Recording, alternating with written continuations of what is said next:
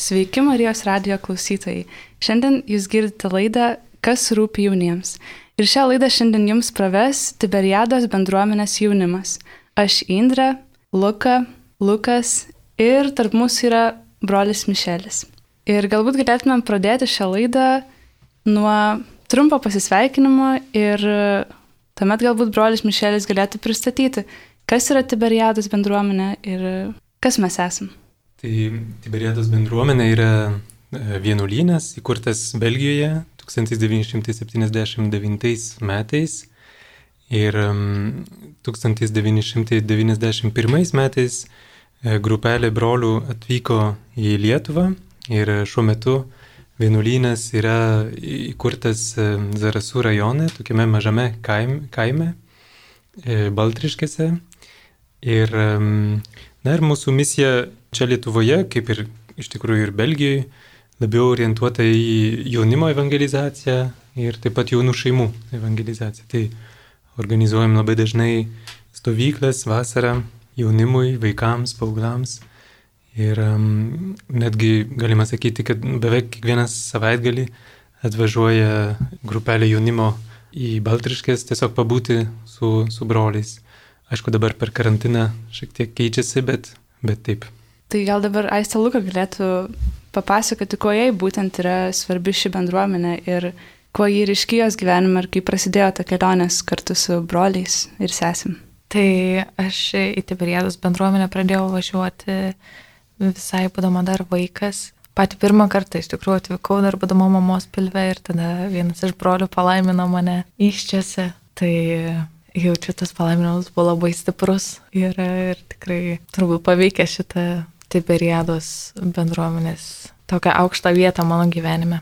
Tai jo, paskui važinėdavom kartais su šeima, truputėlį į šeimų savaitgalius, o paskui aš tiesiog augau per visas kartas į vaikų stovyklas, važiuodavau į paauglių ir jaunimo. Kai man buvo 15 metų, įsipareigojau Sanamieno grupiai, Tai yra jaunimas, kuris renkasi gyventi dar arčiau bendruomenės, prisimti tam tikrus pasiryžimus savo gyvenime, savo kasdienybėj, kad, kad palaikytų asmeninį santyki su Dievu, turėtų nuolatinę maldą, liudytų tiesiog savo sutinkamiems žmonėms mokykloje, studijose ir panašiai.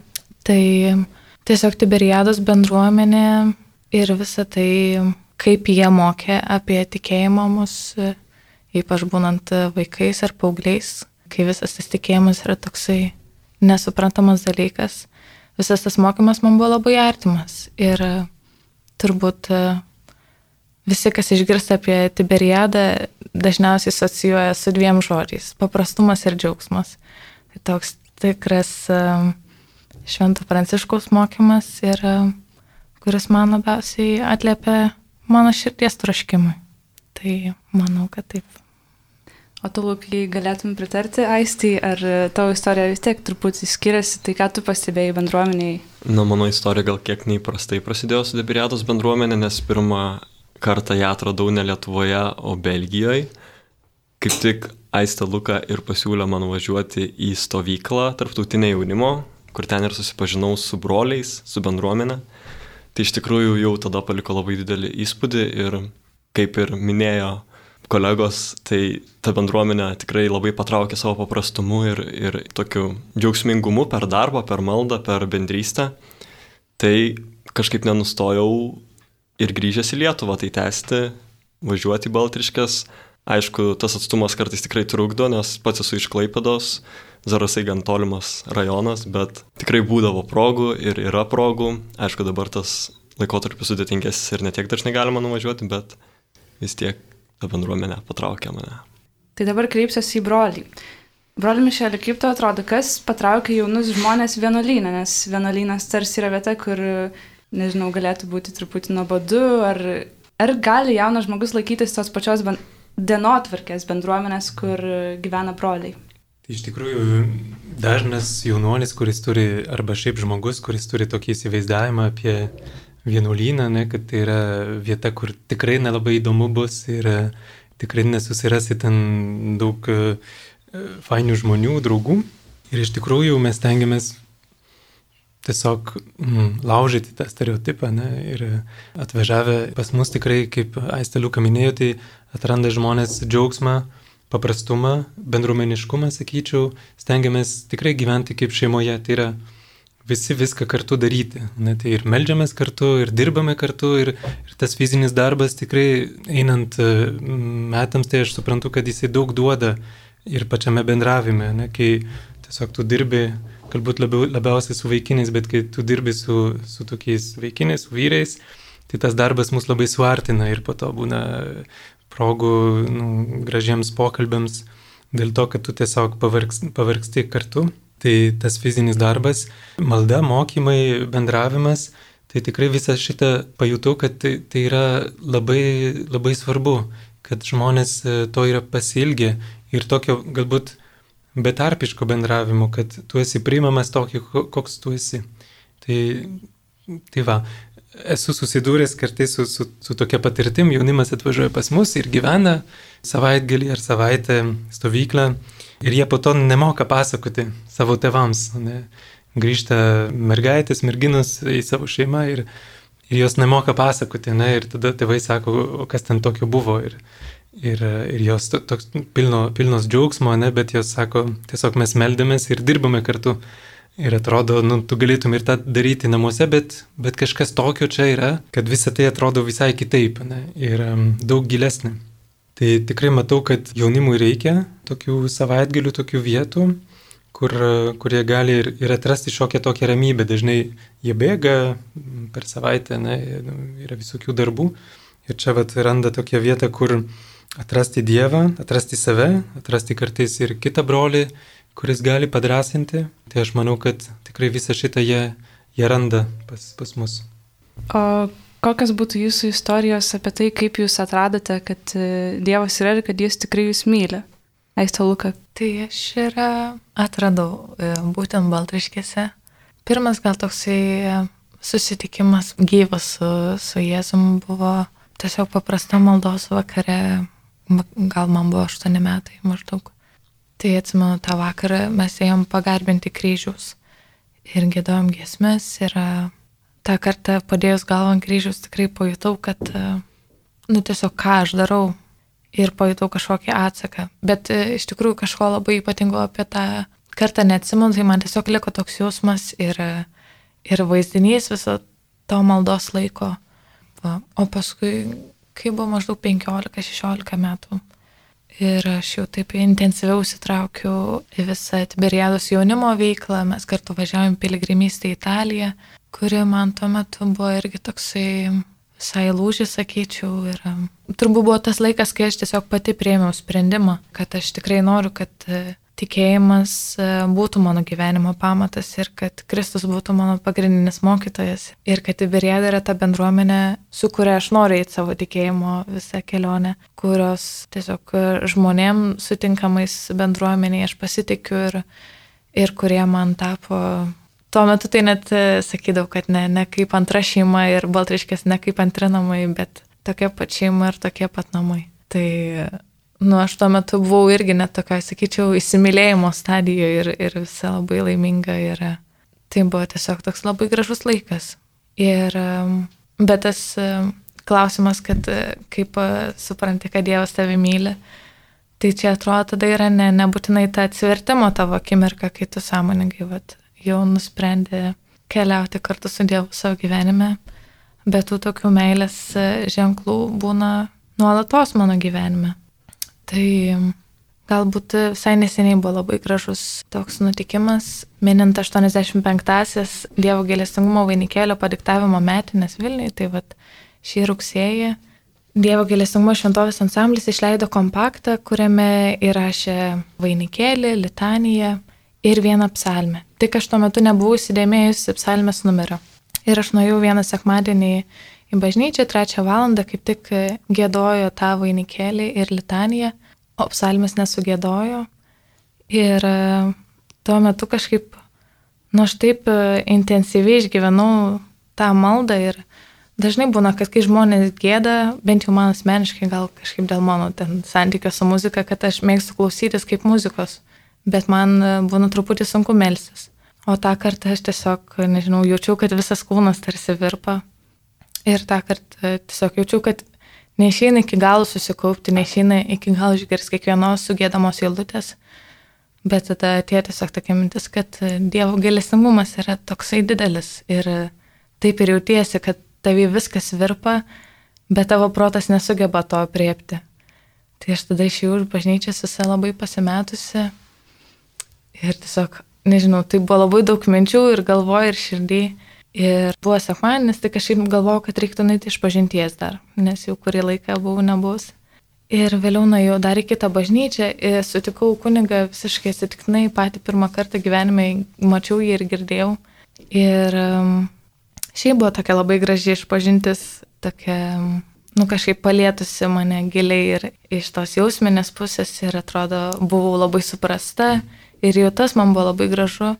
Ir paskui atgailai gavau melsis 103 psalmę. Tai būtent ta, kuri ir buvo įgėdota tam Dievo gelestingumo vainikėlio padiktavimo metinių kompakte. Tai man tuo metu buvo toksai, nu kažkoks didžiulis ženklas va tos Dievo meilės, to, kad jisai tikrai lydi kiekvienam žingsnėje.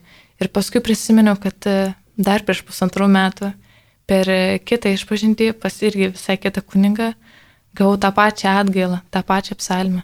Tai tada nusprendžiau tikrai labiau pasigilinti į ją, labiau įsiskaityti ir e, ten ir kalbama apie tą patį Dievo gilestingumą, kuris yra toks didelis, kad jisai neskaičiuoja tavo nuodėmių, kad jisai jas nubloškia taip toli kaip rytai nuo vakarų, kad e, nu, ir ragina šlovinti viešpatį. Turbūt šlovinamas ir dėkodamas už tai, kaip jisai veikia tavo gyvenime geriausiai ir pamatai tuos visus Dievo meilės darbus. Tai čia toks truputį išplėstas liūdėjimas, bet... E, Ačiū. Broli Mišelį, e, tu atvykai iš Belgijos ir galbūt matai kažkokius vienijančius bruožus, ko jauni žmonės trokšta. Pavyzdžiui, ypač Lietuvoje, nes jie tikrai daug atvyksta pas jūs ir yra kažkokie troškimai, kuriuos bažnyčia ir jūs konkrečiai turite atliepti ir matot, kad galbūt galite atliepti. Mhm. Tai aš manau, kad vis tiek žmogaus širdis yra tokia pati ne, visame pasaulyje, tai turbūt ir, ir visi žmonės turi tokius pat pagrindinius e, troškimus, e, poreikius, dvasinius. Bet galbūt iš, iš tos patirties čia Lietuvoje tai galėčiau pasakyti, ne, kad tikrai jaunimas ieško to bendruomeniškumo ir, ir būtent patirti šokią tokią laimę, bet kartu, kaip, kaip bendruomenė, ne, kaip ne atskiri individai, Nes turbūt kiekvienas yra pajutęs, kad mano asmeninė laimė gana greitai, jeigu aš neturiu su kuo dalintis, gana greitai išblės. Ir, ir jinai tiesiog dings. O bet jeigu turiu e, bendruomenę, šeimą, su, su kuria galiu dalintis apie tai, tai mano džiaugsmas taip ir, ir auga iš tikrųjų. Ne? Tai dalinimas džiaugsmas tai yra tikras džiaugsmas, o, o džiaugsmas, kurį aš vienas pats savo pasilikau, tai jisai gana greitai ir, ir vieną dieną e, dinksta. Tai tikrai tas, tas bendruomenės šeimos dvasia, tai man atrodo yra vienas iš tų dalykų, kur tikrai mes baltriškėse galim e, duoti.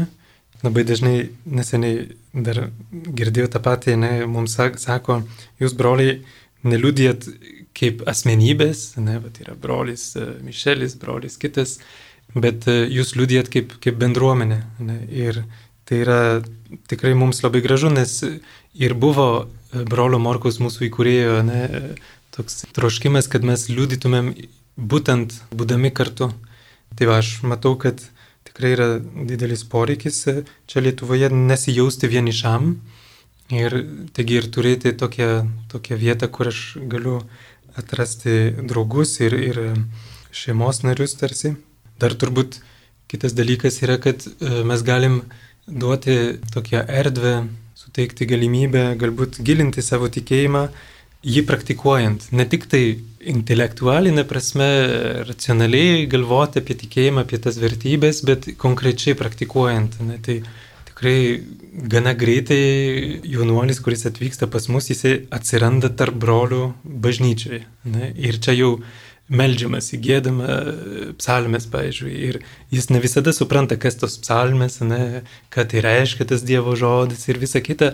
Tai, bet galbūt tas paaiškinimas ateis vėliau. Pirmą tu patirsi ne, ir po to e, kils klausimas ne, ir, ir tada gausi atsakymus, bet eina viskas per, patirtis ir aš matau, kad tai yra labai gražus kelias, ne, kur turbūt ir labiau jaunimui pritaikytas tas, tas kelias. Tai pirmą patirk tiek ir, ir maldoje, bet tiek ir taip pat ir, ir fiziniam darbė, ne, kai mes dirbam kartu miške, pavyzdžiui, arba darže ir tikrai mėgsta kartais pačiupinėti ne, tas, tas medžiagas ir Pavyzdžiui, aš dirbu irgi lentpjūvyje, tai kartais duodu pameistrauti, ne, vat, prie staklės e, kokiam vaikinui ir tikrai matau, kad e, jiems labai tas, tas patinka. Tai, žodžiu, paragauti, nežinau, tikro gyvenimo gurkšnį.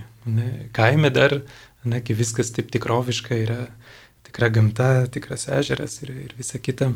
Tai va tas, tas paprastumas, tas, tas džiaugsmas būti, būti kartu ir gilinimasis į, į, į dvasinį gyvenimą Ir iš tikrųjų dažnai galvoju, kad mes siūlome tokį dvasinį kelią, kuris yra labai paprastas. Ta prasme, kad nėra daug priemonių, nėra nei kažkokios ypatingos muzikos, ne, baltriškėse, arba ypatingi instrumentai, tiesiog gitara ne, ir, ir balsai, ir žmonės gėda.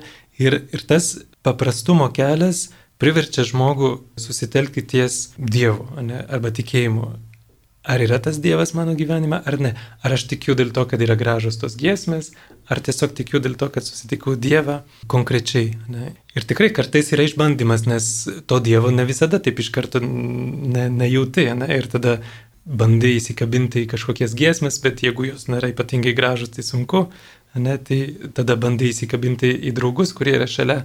Ir čia galbūt kartais ir padeda, ir žmonės atvažiuoja į Baltiškis būtent dėl to, kad yra bendruomenė ir tik po to tada atranda, atranda Dievą, bet tai va, mes tiesiog statom tuos jaunuolius, kurie atvažiuoja į tokią tiesiog patirk ir pasidaryk pats savo, savo nuomonę, ne, į tokią patirtį, ne, kad e, Dievas yra, yra paprastame gyvenime ir taigi ir tavo kasdienybėje taip pat jis gali būti.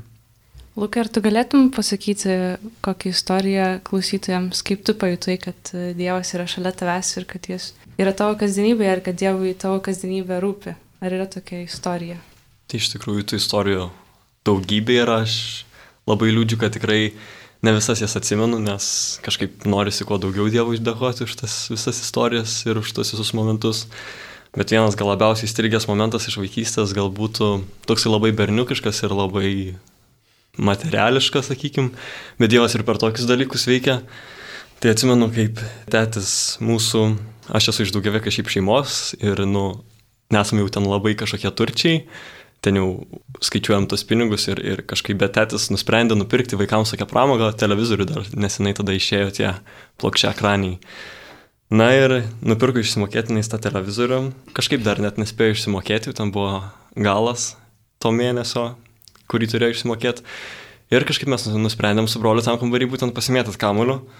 Ir aišku, tą televizorių sudaužėm. Į remelį pataikėm, remelis į televizorių ir aišku, tas televizorius atrodo jam nieko, įjungi visas išsiliejęs. Ir kažkaip iš pradžių kilo tokia panika tarp mūsų, ką daryti. Ir kažkaip nuėjo mamai pasakyti, mama, nusako, nu man televizorius negaila, man tečia sako gaila. Ir mes kažkaip visi nusprendėm melstis. Atsimenu, aš meldžiausi irgi šventą Antaną, mama irgi. Ir kažkaip grįžta tėtis visas laimingas po darbo, sako, nu ko jūs čia liūdit, sako, dar buvo adventas e, tą laiką. Sako, kodėl jūs liūdit? Nu mes aišku nesakom, kad televizorių sulaužėm, bet kažkaip po kurio laiko mama sako, aš gal parašysiu tą parduotuvę, kur pirkom, gal bent pakeisi mažesnį, gal kažką pasiūlys, nežinau. Nu, toks buvo desperatiškas momentas. Kažkaip ir man buvo to tečio gaila visai. Ir mes važiuojam ten kažkur į kažkokią kelionę. Ir sakau mamai, duok telefoną, pažiūrėsiu šitą L paštą, ar neparašė tą parduotuvę. Aš žiūriu, kad mama kelionė irgi visą meldžiasi, aš irgi meldžiuosi, tėtis linksmose, mes ne. Ir tada žiūriu, parašė tą parduotuvę, sako, ateikite simti televizorių, sako, bet kurioj parduotuviai mūsų. Mama, aišku, sako, tečia yra bloga ir yra labai gera žinia. Nu, aišku, tėtis ir pyko, ir džiaugiasi, bet moralas gal toks, net nepasakyčiau, kad čia moralas, čia Dievo malonė iš tikrųjų. kad nu Dievas rūpinasi ir tokiais atrodo menkais, bet labai vaikiškais dalykais ir kur atrodo kartais žmonėm labai rūpi, gal tam dvasiniam gyvenimui tas televizorius nėra toks svarbus, bet manau, kad čia ne pačiam televizoriui esmė, bet kad Dievas labai ryškiai parodė, kad jisai mane myli ir kad mano tėtį myli ir kad mūsų šeimą myli. Tai toks trumpas gal. Mėlyjei Marijos radijo klausytojai, šiuo metu jūs klausote laidos Kas rūpi jauniems ir e, su jumis kalbasi Tiberiados bendruomenės jaunimas. Tai aš prisiminiau tokį terminą, kuris dažniausiai minimas kalbant apie politiką, tai yra socialinis burbulas. Ir aš galvoju, kad mes jį galėtume pritaikyti čia, um, tame kontekste, kad kai jūs liudijate apie Dievą ir kai daug kalbate apie jį ir melžiatės ir jaučiate jo buvimą, ar nejaučiate, kad Jūs gyvenate burbule ir kalbant apie žmonės, kurie jūs supa. Ir mano klausimas būtų, kaip jūs nuomonė reiktų kalbėti apie Dievą su netikinčiai žmonėm? Arba gal iš vis reiktų geriau patilėti? Broli Mišelį, kaip tu galvoji? Man labai patiko tavo idėja, ne, socialinis burbulas. Ir ypatingai tikrai dažnai mums tai sako, ne gyvenantiems vienuolynę, Tai dažnai mums sako, kad galbūt negyvename šiame pasaulyje, kas iš tikrųjų nėra visiškai tiesa, kadangi daug bendraujam su, su žmonėmis, tai tikrai ir, ir žinom, kas, kas vyksta pasaulyje ir, ir kas, kas rūpi žmonėms apskritai. Bet aš atsimenu vieną istoriją, kur man atsitiko čia prieš kokius 5-6 metus. Tai vieną dieną tranzavau ir mane paėmė toks vyras, kuris, kuris netikėjo, kad aš esu vienuolis. Ne? Ir kuris tiesiog labai ilgai galvoja, kad aš esu tiesiog persirengęs žmogus, kuris važiuoja į kaimą, nes buvo ten, nu, turbūt švenčių metas ir jis galvoja, kad man kažkokia šventė būna ir tiesiog aš persirengęs važiuoju į kaimą ten švesti. Ir aš jam sakau, kad ne, aš tikrai vienuolis, ir, bet jis manim netikė ir sako, jūs man meluojate, tai tam, kad įrodyčiau jums, kad jūs man meluojate, aš jūs nuvešiu į tą savo jūsų vienuolyną ir pamatysit, kad, kad, jūs, kad jūs meluojate. Tai man šiaip labai gerai, nes, sakau, jis mane atveš iš karto į, į Baltriškas ir tada nereikės man nueiti pešiomis ir tada užeinam į, į bendruomenę ir, ir čia visi broliai valgo prie pietų stalo ir tyliai kažkaip tai. Na ir jis užeina ir mato ir visiškai nustebintas na, ir sako, atsisuka į mane ir sako, bet jūs net neįsivaizduojat, kiek jums plovė smegenis. Ne? Kad jūs taip pasirink, pasirinkote tokį kelią. Ir man tada atėjo ir kažkaip galvoju, kad vis tiek Dievo malonė, bet atėjo tokia mintis ir aš jam sakiau, ačiū tau viešpatie, kad mano smegenys tokios švaros. Ne? Tai tikrai vadinasi, gyvenimas su Dievu, tikėjimas į Dievą kartais tikrai daro, kad mes atrodome kitokie pasaulio akims, ne, kad tikrai atrodo esame keisti žmonės arba ne visai šio pasaulio, bet turbūt ir dėl to, kad e, mūsų vertybės kitokios, na ir kad e, tikrai gyvename kitokį gyvenimą, nes stengiamės turėti kitokius prioritetus, tikslus na, ir stengiamės sekti Jėzumi konkrečiame gyvenime. Tai tikrai aš atsimenu, kai dar buvau dvyliktokas, mano visi draugai tikrai nebuvo tikintis ir kildavo nemažai diskusijų ne, apie tikėjimą, apie meilę, apie merginas ir, ir visą kitą. Ir aš stengdavausi ginti kartais arba paaiškinti savo tikėjimą. Ne visada pavykdavo turbūt. Bet e, aš buvau pastebėjęs, kai jau įstojęs į vienuolyną, vieną dieną mano draugai atvažiavo mane, manęs aplankyti, nes jie norėjo atrasti tą, tą vietą, kur aš dabar gyvenu. Ir tos dienos pabaigoje vienas iš tų mano draugų netikinčių priejo ir sako, žinai, broliai, aš matau, kad jūs čia labai laimingai gyvenat Ir man tai la, labai didelis klausimas, aš nesuprantu, bet tai aš matau, kad yra tikra tai, ką jūs gyvenate. Tai turbūt jis pamatė, kad tikėjimas, kurį mes gyvename, keičia, ne, iš esmės, mūsų požiūrį į vienas į kitą, į gyvenimą, į gamtą, į darbą. Tai yra, kad tikėjimas tikrai keičia žmogų visapusiškai. Ne. Ir kartais tai nėra labai patogu e, pasaulio žmonėms tai matyti ir dėl to jie kartais ir kovoja arba prieš mus ir kartais tiesiog tai jie klausinėja. Ir um, aš manau, kad turim visada būti pasirengę atsakyti, kai mūsų klausinėja. Ir jeigu neklausia, tai tiesiog turim tokią misiją tiesiog būti. Būti Jėzus mokinais ir gyventi tarsi mes būtumėm klaustukais, ne? ir kad žmonėms būtų toks noras klausinėti, o kodėl tu šitą darai, arba kodėl tu taip kalbė. Ne? Tai tikrai toks raginimas yra ne, nebūtinai galbūt kalbėti pirmiems, bet gyventi taip, kad tau užduotų klausimą ne, apie tavo tikėjimą.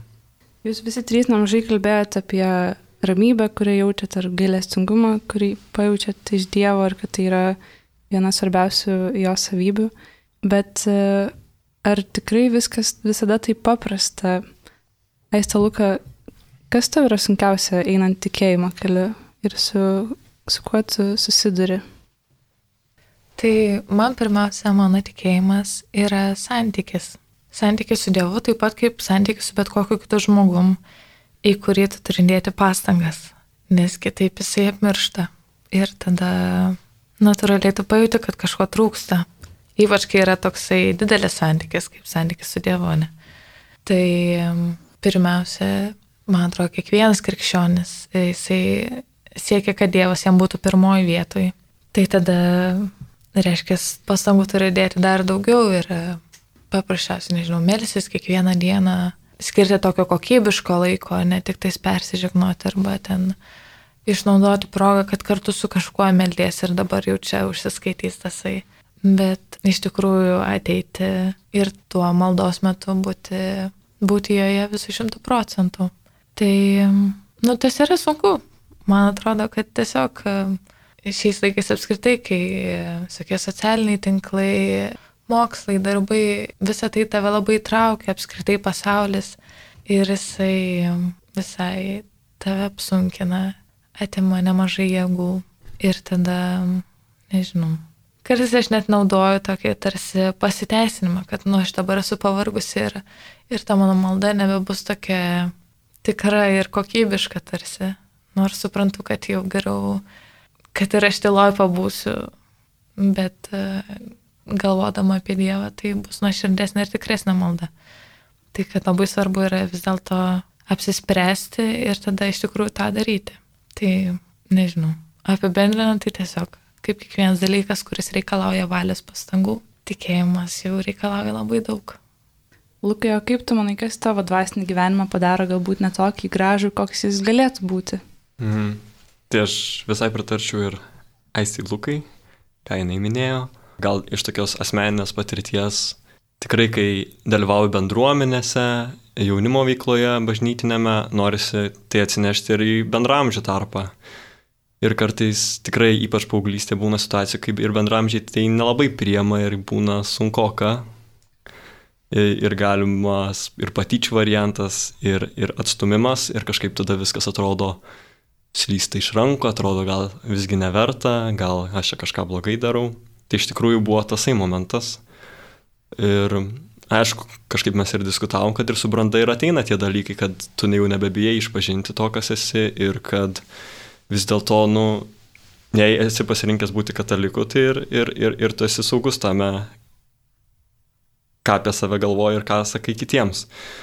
Tai manau, kad yra iš tikrųjų iššūkis, kaip pertikti gal ne tik žodžiais, bet ir darbais, kad tu esi vis dėlto tikintis ir kaip iš tikrųjų pakviesti dar daugiau žmonių į tą bendrą puotą, kuri mūsų laukia po mirties. Ar jums teko girdėti posakį, kad uh, Dievui taip, o bažnyčiai ne, arba kad aš esu tikintis, bet nereligingas ir kaip galėtumėt pakomentuoti tai, broli Mišelį, kokios tavo mintis? Tai kartais e, apie tai kalbame su, su jaunimu, kai atvažiuoja pas mus į, į bendruomenę.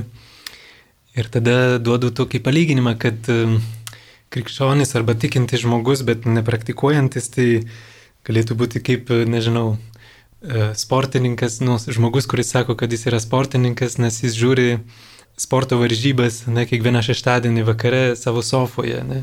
Arba žmogus, kuris sakytų, aš esu mama, bet nepraktikuojanti. Tai tikrai yra toksai prieštaravimas iš tikrųjų pasakyti, kad esu tikintis ir nepraktikuojantis. Ir prieštaravimas iš esmės, nes iš tikrųjų mes tikime Dievu, kuris yra meilė. Tai vadinasi, meilė nori susitikti su kitu žmogumi. Meilė yra poreikis į kitą. Ir jeigu aš tarsi išpažįstu Dievą, kuris yra meilė, bet aš užsidarau ir nenoriu su ta bendruomenė, kuri vadinasi bažnyčia, nenoriu nieko bendro turėti su ją, tai vadinasi, aš visiškai dar nesupratau, ką reiškia e, tas Dievas, į kurį aš dedu savo viltį ir savo tikėjimą. Aš tiesiog turiu tokį įsivaizduojamą Dievą. Tai arba galbūt esu dar toksai teisantis žmogus, kuris žiūri taip iš aukštai ir sako, kad bažnyčia tai yra tiesiog mm, nusidėlių žmonių grupė ir aš tarsi tuo ir pasakydamas, kad aš nesu nusidėlis. Ne? Ir Jėzus labai kritikuodavo tuos žmonės, kurie laiko save mm, nenusidėliais, nes ir būtent sakydavo, kad jis yra atėjęs dėl tų e, žmonių. Tai aš sakyčiau, kad kartais žmonės, kurie taip kalba, jie galbūt paprasčiausiai galbūt buvo įskaudinti bažnyčios, ne, nes tikrai bažnyčioje vyksta dalykų, kurie nėra labai gražus, kaip ir visame pasaulyje, kur yra žmonės. Ne. Žmogus yra tuo pačiu kartais ir angelas, ta prasme labai geras žmogus ir tuo, ir tuo pačiu metu jis yra e, gebantis labai nu, daug blogių dalykų padaryti. Tai tikrai bažnyčia yra sudaryta iš tų pačių žmonių Ir ji nėra šventa dėl to, kad Kristus gyvena joje, bet ir tuo pačiu jinai yra nusidėlė dėl to, kad žmonės ją sudaro. Tai, tai tikrai bažnyčia yra bendruomenė žmonių, kurie žino, kad jie turi problemą ir jie žino, kur kreiptis, ne? kur žino, kad yra išganytojas, pas kurį mes galime tikrai priimti nuodėmio atleidimą. Taigi apibendrinant tikrai sakyčiau, kad bažnyčia yra tarsi mm, priemonė, ne? Eiti pas, pas viešpatį. Tai jinai nėra tikslas. Ir kartais žmonės sako, aš netikiu kunigais, tai aš sakau, ačiū Dievui, kad jūs netikit kunigais, tai reikia tikėti Dievu. Ne? Kunigai tai čia yra nepastovus asmenys, ne žmonės, kurie klysta, ir, bet jie yra tokie, kokie jie yra, todėl kad yra Dievas, į, į kurį jie žiūri. Tai, tai va.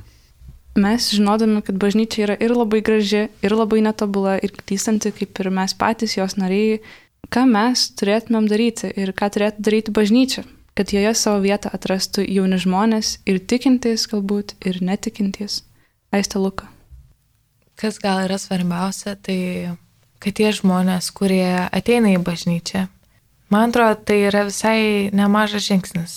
Tai reiškia, kad tas žmogus jis jau ieško, jis jau jaučia turbūt kažkokį gal ilgesį savo širdį, kažkam priklausyti, kažkam rūpėti, ieško kažkokios vilties ir e, ypač pat jeigu yra girdėjęs apie krikščionišką mokymą, kuris atrodo gali pateisinti jo, jo lūkesčius, tai labai svarbu, kad e, jam atėjus į bažnyčią, jis tą atrastų pirmiausia žmonėse, su kuriais e, truputį kartais lengviau sukurti akivaizdų santykį negu su Dievu, ne? Kartais ne, nepajus arba ne, nepastebėsi Dievo veikiamo ženklų, Tuo tarpu tai, kaip kitas žmogus tam pasielgia, pastebės iš karto ir tikrai įsidės į širdį tuos uh, jo veiksmus. Tai tas klausimas, ką bažnyčia turi daryti, tai atsakyti, man atrodo, yra svarbiausia, suprantat, kiek, kiekvienas iš mūsų ar esam bažnyčia.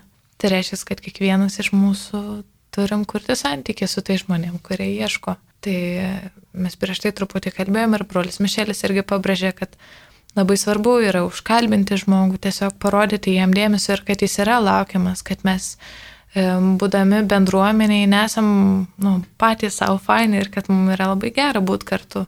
Nes taip yra, bet, bet mesgi tikrai linkime to kiekvienam žmogui ir mes nu, trokštam, kad e, bažnyčia auktų, kad kiekvienas žmogus prisilietęs prie jos būtų nesužeistas, o kaip tik atrastų daugiau džiaugsmo.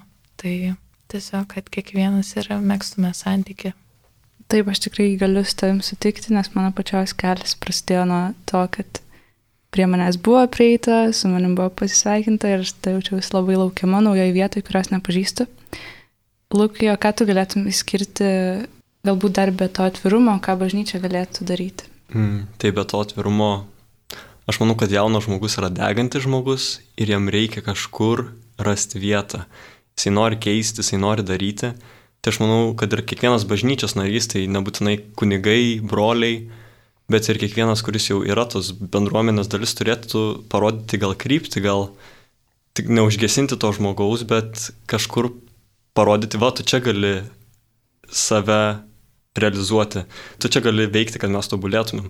Tai manau, kad jaunas žmogus nori būti už kažką atsakingas, jis nori būti reikalingas.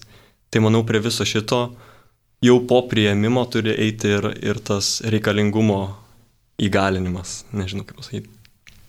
Broli Mišel, būdamas dar arčiau virtuvės, ar galėtum kažką pridurti?